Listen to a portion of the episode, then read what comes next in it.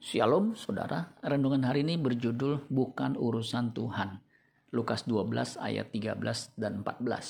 Seorang dari orang banyak itu berkata kepada Yesus, Guru, katakanlah kepada saudaraku supaya ia berbagi warisan dengan aku. Tetapi Yesus berkata kepadanya, Saudara, siapakah yang telah mengangkat aku menjadi hakim atau pengantara atas kamu? Ada seorang yang mau menyeret Yesus untuk terlibat dalam urusan warisan. Yesus menolak menjadi hakim untuk urusan harta warisan.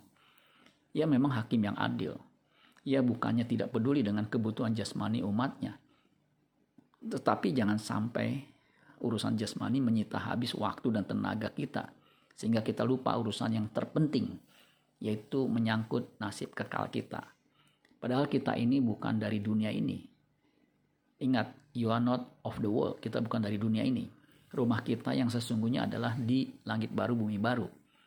Bukan di bumi ini. Jangan sampai soal warisan kita bermusuhan dengan saudara kandung. Keinginan untuk memiliki lebih banyak membuat kita serakah. Lukas 12 ayat 14 sampai 15 tetapi Yesus berkata kepadanya Saudara, siapakah yang telah mengangkat aku menjadi hakim atau pengantara atas kamu? Katanya lagi kepada mereka, berjaga-jagalah dan waspadalah terhadap segala ketamakan Sebab walaupun seorang berlimpah-limpah hartanya, hidupnya tidaklah tergantung daripada kekayaannya itu.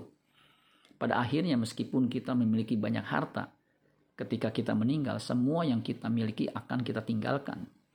Lukas 12 sampai Lukas 12 ayat 20 sampai 21. Tetapi firman Allah kepadanya, "Hai engkau orang bodoh, pada malam ini juga jiwamu akan diambil daripadamu dan apa yang telah kau sediakan untuk siapakah itu nanti?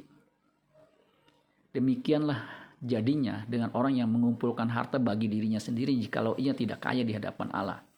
Kita harus memiliki harta abadi sewaktu kita hidup di bumi ini. Harta abadi kita adalah Tuhan itu sendiri. Tuhan itulah harta abadi kita. Berusaha mendapatkan Tuhan seperti seorang menemukan harta terpendam. Matius 13 sampai ayat 14 sampai 46. Amin buat firman Tuhan. Tuhan Yesus memberkati.